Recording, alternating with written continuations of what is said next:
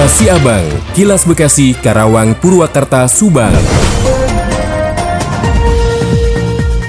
Dari Subang dikabarkan jumlah penderita kusta di Kabupaten Subang cukup tinggi. Berdasarkan data yang telah dikumpulkan oleh Dinas Kesehatan pada tahun 2022 terdapat 114 kasus penderita kusta dan pada tahun 2023 tercatat 59 kasus. Kabit Pencegahan dan Pengendalian Penyakit atau P2P Dinas Kesehatan Kabupaten Subang, Dr. Noni mengungkapkan penyakit kusta yang disebabkan oleh Microbacterium leprae. Kabupaten Subang pernah menempati peringkat ke-6 di Jawa Barat Barat dengan jumlah penderita kusta terbanyak. Sedangkan pada tahun 2020 ditemukan 200 penderita sehingga upaya edukasi intensif dan penemuan penderita menjadi sangat penting. Noni menekankan perlunya dukungan dari masyarakat terhadap penderita kusta bukan menjauhinya sehingga penderita tidak merasa malu dan dapat mendapatkan pengobatan yang diperlukan. Penyakit kusta di Kabupaten Subang sering kali tersembunyi seperti fenomena gunung es dengan banyak penderita yang tidak terdeteksi. Oleh karena itu, upaya intensif dilakukan untuk mendeteksi penderita dan mengendalikan penyebaran kusta. Masih menurut Noni, di tahun 2021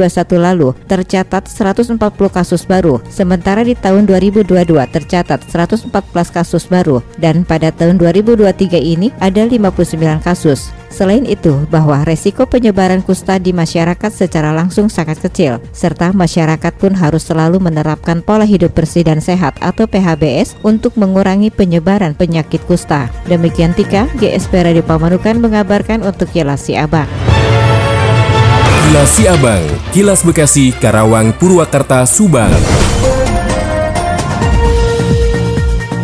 Dikabarkan dari Subang, Polda Jawa Barat kembali melakukan olah TKP di lokasi pembunuhan ibu dan anak di Subang. Tim identifikasi fisik dari Kepolisian Daerah Jawa Barat menggelar rekonstruksi tempat kejadian perkara dalam kasus pembunuhan seorang ibu dan anak di Jalan Cagak, Kabupaten Subang, Jawa Barat. Kegiatan ini guna menyelidiki keterangan tersangka terkait dengan peristiwa tragis tersebut. Dalam rekonstruksi ini, Pihak kepolisian turut melibatkan tersangka yaitu Danu dengan tujuan memastikan kesesuaian antara keterangan yang diberikan oleh Danu dan temuan di TKP pembunuhan. Selain itu, Serawan juga mengungkapkan bahwa kegiatan rekonstruksi TKP bertujuan untuk mencari bukti-bukti lain, termasuk golok yang diduga digunakan dalam pembunuhan tersebut. Hingga saat ini proses rekonstruksi TKP berlangsung dengan lancar dan terdapat kesesuaian antara bukti-bukti di TKP dan pengakuan dari Danu. Kegiatan rekonstruksi TKP ini telah menarik perhatian warga sekitar Jalan Cagak, Kabupaten Subang yang merupakan lokasi pembunuhan Tuti 55 tahun dan Amelia Mustika Ratu 23 tahun. Kondisi rumah Tuti dan Amel yang menjadi TKP telah terbengkalai sejak pembunuhan jenazah ibu dan anak tersebut pada tahun 2021 lalu. Dalam perkembangan kasus ini, Danu yang merupakan keponakan Tuti dan sepupu dari Amelia telah ditetapkan sebagai tersangka setelah menyerahkan diri ke polisi. Pengakuan dari Danu juga menyebabkan polisi menetapkan empat orang lainnya sebagai tersangka. Mereka adalah suami dan ayah korban, yaitu Yosep Hidayah, istri kedua Yosep, dan serta kedua anak tiri Yosep. Namun hingga saat ini pihak kepolisian baru menahan Danu dan Yosep dalam perkara ini. Saya Alita Hafiza 100,2 LC5 FM melaporkan untuk Kilas Siabang. Kilas Siabang, Kilas Bekasi, Karawang, Purwakarta, Subang. Diinformasikan dari Karawang, seekor macan kumbang turun ke perkampungan dan memangsa hewan ternak di lereng Gunung Sanggabuana, Kabupaten Karawang. Seekor domba mati dan lima ekor lainnya luka akibat dimangsa macan kumbang. Meski warga mengetahui kedatangan macan kumbang tersebut, namun warga tidak berani keluar rumah karena takut ikut dimangsa. Dikatakan oleh Dewi Sugiri, selaku PLT Direktur Eksekutif Sanggabuana Conservation Foundation, satu kandang ternak domba milik seorang warga di Desa Mekarbuana, Kecamatan Tegalwaru, didatangi macan kumbang. Macan kumbang tersebut datang pada saat malam hari dan langsung masuk ke dalam kandang, serta memangsa domba yang ada di dalam kandangnya. Menurut Debbie, saat macan kumbang datang ke kandang domba tersebut, diketahui pemiliknya karena terdengar suara auman macan kumbang.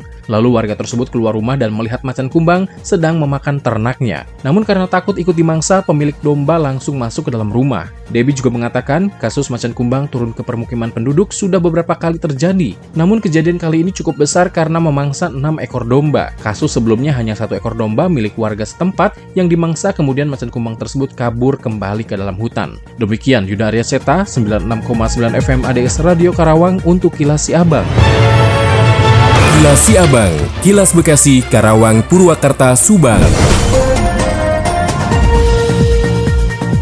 Kota Bekasi mulai melaksanakan rapat Dewan Pengupahan Kota atau DPK untuk merumuskan perubahan upah tahun 2024. Sebelumnya Kementerian Ketenagakerjaan Kemenaker memastikan upah minimum provinsi atau UMP tahun 2024 akan naik. Pembahasan dan perhitungannya masih berlangsung. Kenaikan upah ini didasari oleh geliat ekonomi tahun 2023 meskipun kemungkinan kenaikannya tidak sampai menyentuh 15% persen, seperti tuntutan yang disampaikan buruh beberapa waktu lalu. Keputusan resminya akan disampaikan akhir bulan November mendatang.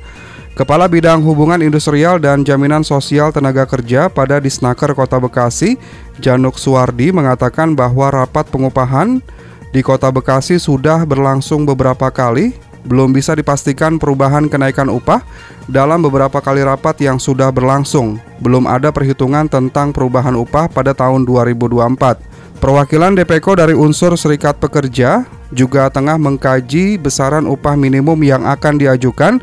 Selain itu juga masih berkoordinasi dan mengumpulkan bahan perhitungan upah tahun 2024. Ardi Mahardika, Radio Dakta 107 FM melaporkan. Demikian kilas Siabang yang disiarkan serentak Radio Dakta Bekasi, Radio El Gangga Bekasi, Radio ADS Karawang, Radio GSP Subang, Radio Mustika Subang, Radio El Sifa Subang, Radio MKFM Subang. Nantikan kilas Siabang selanjutnya.